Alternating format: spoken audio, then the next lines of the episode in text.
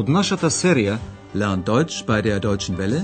Учете германски со Дојче Веле, чујте ја серијата Deutsch, warum nicht? Германски зошто не?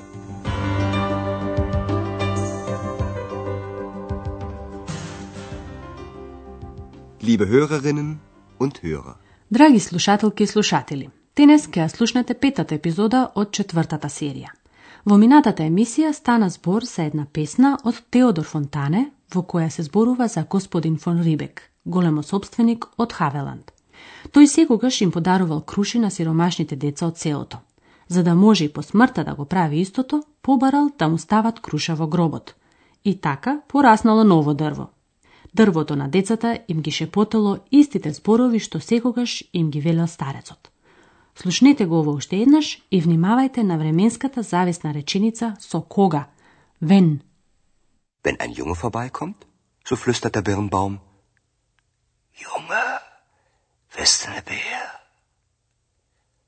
Wenn ein Mädchen vorbeikommt, so flüstert der Baum, Lütern, komm an rüber, ich geb dir ne Birn.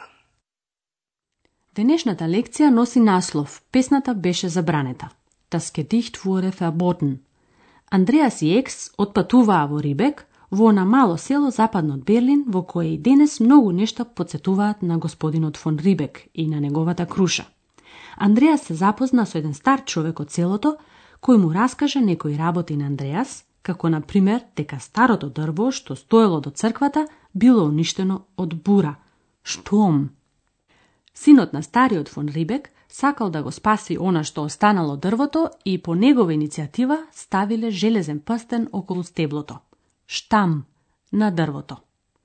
Но слушнете и самите. Hier, neben der Kirche, stand der alte Birnbaum. Stand? Und wo ist der jetzt? Hm, den gibt es nicht mehr. Vor über 80 Jahren wurde er von einem Sturm zerstört. Der Sohn vom alten Ribbeck ließ um den Stamm einen Ring aus Eisen legen und stellte ihn in seinem Schloss auf. Hm, da stand er und wurde als Riesenaschenbecher benutzt. Den können Sie heute noch sehen im Restaurant zum Birnbaum. Und was ist das hier für ein Baum? Den haben wir gepflanzt. Nachts und heimlich. Wie die Heinzelmännchen? Wie bitte? Einzelmännchen? Nein, wir. Ein paar Leute aus dem Dorf. Und warum heimlich?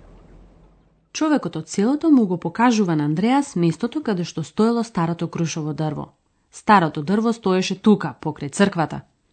Hier, neben der Kirche, stand der alte Birnbaum. За жал, дрвото било срушено во една бура во 1911 година. Дрвото беше уништено од бура пред повеќе од 80 години. Vor über 80 Jahren wurde er von einem Sturm zerstört. Сите луѓе во селото жалеле поради тоа, па затоа синот на стариот фон Рибек побарал околу дрвото да се стави железен прстен. Синот на стариот фон Рибек побара на стеблото да му се стави железен прстен. Der Sohn vom alten Ribbeck ließ um den Stamm einen Ring aus Eisen legen. Но тоа не било се. Остатокот од дрвото е поставен во дворецот на семејството Рибек. Der Sohn vom alten Ribbeck ließ um den Stamm einen Ring aus Eisen legen und stellte ihn in seinem Schloss auf. И така дрвото било поставено во дворецот и користено како голем пепелник. Da stand er und wurde als Riesenaschenbecher benutzt. Овој пепелник и денес се уште може да се види во ресторанот кај крушата. Den können Sie heute noch sehen im Restaurant zum Birnbaum. Андреас прашува за дрвото кое стои на истото место каде што стоело старото крушово дрво. А какво е ова дрво? Und was ist das hier für ein Baum? Човекот раскажува дека тој и некои луѓе од селото една ноќ с кришум го засадиле дрвото.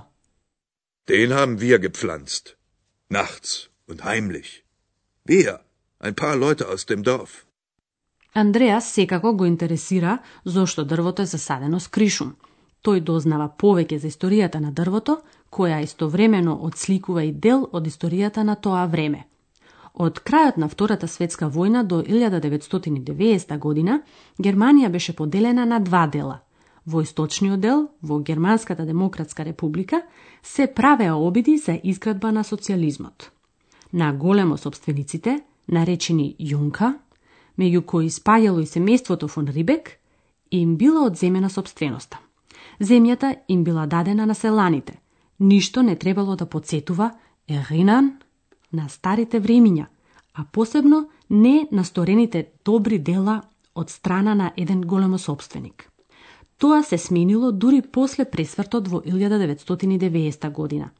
Венде, како што се нарекува времето на повторното обединување на двата дела на Германија. Тогаш било засадено ново дрво, меѓутоа според човекот од селото на погрешно место. An der falschen Stelle. Слушнете го вториот дел од приказната.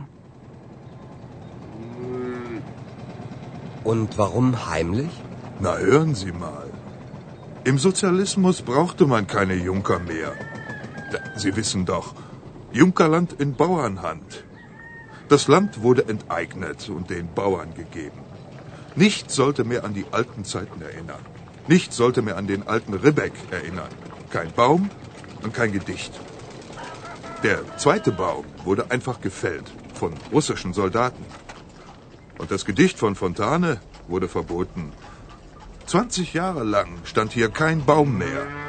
Und dann haben wir einen gepflanzt. Genau hier, an der richtigen Stelle neben der Kirche. Wieso? Gibt es auch eine falsche Stelle? Na, aber sicher. 1990, nach der Wende, kamen sie plötzlich, die Politiker aus dem Westen, pflanzten einen Birnbaum und erinnerten an den alten Rebek. Aber an der falschen Stelle. Dann gibt es jetzt also zwei Bäume?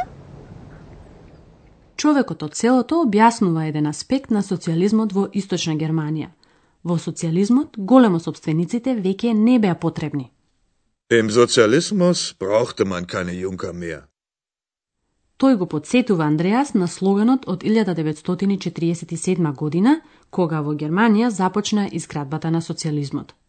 Земјата на големо собствениците во рацете на селаните. Junkerland in Bauernhand. Тоа значило дека земјата на големо собствениците им била одземена, поделена и дадена на селаните да ја обработуваат. Земјата им беше одземена и дадена на селаните. Das Land wurde enteignet und den Bauern gegeben. Човекот од селото продолжува со објаснувањето. Ништо не требаше да подсетува на старите времиња. Nichts sollte mehr an die alten Zeiten erinnern.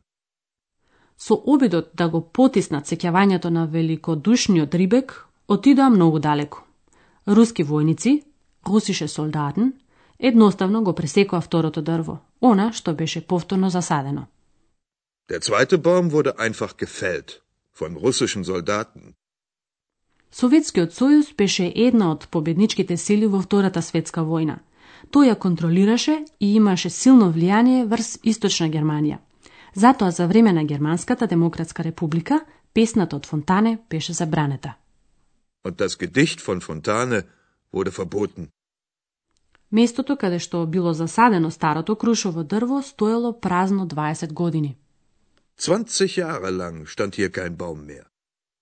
Потоа, луѓе од селото засадиле ново дрво на вистинското место, an der richtigen Stelle, до црквата, како што нагласува човекот од селото.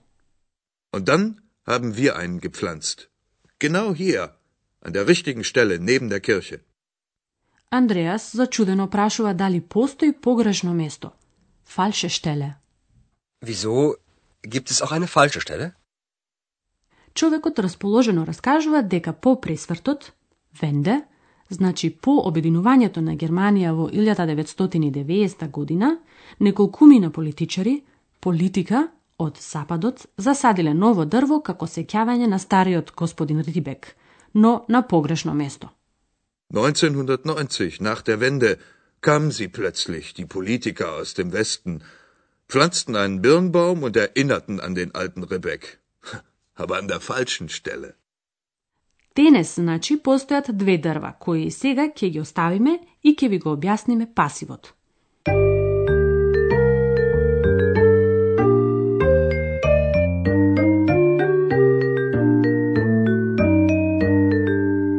Еден исказ може да биде активен или пасивен. Во активниот исказ интересот се насочува кон оној што нешто прави. Слушнете еден активен исказ. Russische Soldaten fällten den Baum. Во пасив интересот се насочува кон действието, кон она што се случува. Слушнете го истиот исказ во пасив. Der Baum wurde gefällt. Пасивот се гради со помошниот глагол ќе биде, werden, и партицип 2 од полнозначниот глагол. Претеритот од werden во прво и трето лице еднина гласи wurde. Слушнете два примера. Wurde. Der Baum wurde gefällt. Das Gedicht wurde verboten. Слушнете го сега уште еднаш првиот пример. Овој пат е споменат и вршителот на действието, а тоа се руските војници кои го пресекле дрвото. Вршителите на действието во пасивната исказна форма секогаш стојат во датив и се воведени со препозицијата од, фон. Der Baum wurde von russischen Soldaten gefällt. И еден предмет, како на пример бурата, може да биде вршител на действие. Конструкцијата на реченицата останува иста. Слушнете го примерот. Der Baum wurde von einem Sturm zerstört.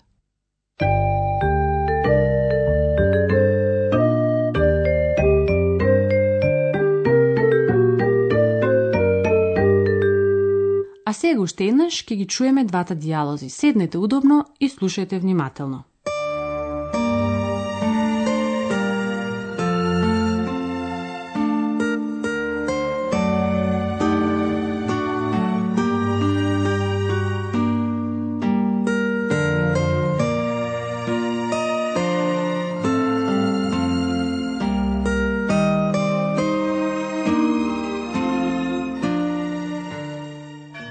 Човекот од селото раскажува за првото дрво. Hier, neben der Kirche, stand der alte Birnbaum. Stand? Und wo ist der jetzt? Hm, den gibt es nicht mehr. Vor über 80 Jahren wurde er von einem Sturm zerstört. Der Sohn vom alten Ribbeck ließ um den Stamm einen Ring aus Eisen legen und stellte ihn in seinem Schloss auf. Hm, da stand er und wurde als Riesenaschenbecher benutzt. Den können Sie heute noch sehen im Restaurant zum Birnbaum. Und was ist das hier für ein Baum? Den haben wir gepflanzt. Nachts und heimlich. Wie die Heinzelmännchen? Wie bitte? Einzelmännchen? Nein, wir. Ein paar Leute aus dem Dorf. Und warum heimlich? Човекот продолжува да ја раскажува приказната за дрвото. Und warum heimlich? Na, hören Sie mal. Im Sozialismus brauchte man keine Junker mehr. Sie wissen doch, Junkerland in Bauernhand. Das Land wurde enteignet und den Bauern gegeben. Nichts sollte mehr an die alten Zeiten erinnern. Nichts sollte mehr an den alten Ribbeck erinnern. Kein Baum und kein Gedicht. Der zweite Baum wurde einfach gefällt von russischen Soldaten. Und das Gedicht von Fontane wurde verboten. 20 Jahre lang stand hier kein Baum mehr. Und dann haben wir einen gepflanzt. Genau hier, an der richtigen Stelle neben der Kirche. Wieso? Gibt es auch eine falsche Stelle? Na, aber sicher. 1990, nach der Wende, kamen sie plötzlich, die Politiker aus dem Westen, pflanzten einen Birnbaum und erinnerten an den alten Rebek. Aber an der falschen Stelle. Dann gibt es jetzt also zwei Bäume? Тоа беше се за денеска. Следниот пат ќе слушнете како некои луѓе го доживеале времето после пресвртот. До тогаш, до слушање. Тоа беше германски Зошто не? Радиоговорен курс на Херат Мезе во продукција на Дојче Веле и на Гетовиот институт од Минхен.